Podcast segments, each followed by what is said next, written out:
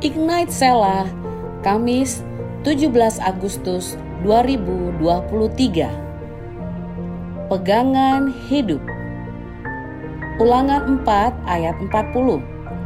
Berpeganglah pada ketetapan dan perintahnya yang kusampaikan kepadamu pada hari ini, supaya baik keadaanmu dan keadaan anak-anakmu yang kemudian, dan supaya lanjut umurmu di tanah yang diberikan Tuhan Allahmu kepadamu untuk selamanya.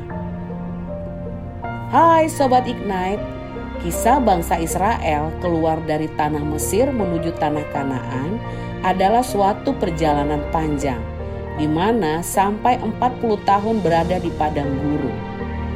Coba Sobat Ignite bayangkan padang gurun.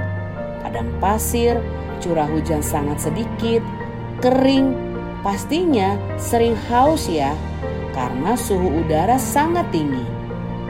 Dengan kondisi ini membuat bangsa Israel kerap sekali bersungut-sungut atau komplain terus-menerus. Saya membaca kisah bangsa Israel ini geleng-geleng kepala. Istilah sekarang tuh bandelnya minta ampun. Silahkan baca ya kisahnya di kitab keluaran dan bilangan.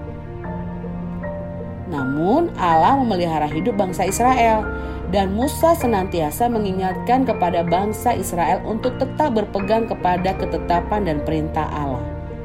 Pada waktu itu, Musa menyampaikan ke sepuluh perintah Allah sebagai ketetapan, perintah dan peraturan yang akan dipatuhi bangsa Israel. Di dalam ulangan 5 ayat 1, Musa memanggil seluruh orang Israel berkumpul dan berkata kepada mereka, Dengarlah hai orang Israel, ketetapan dan peraturan yang pada hari ini kuperdengarkan kepadamu, supaya kamu mempelajarinya dan melakukannya dengan setia.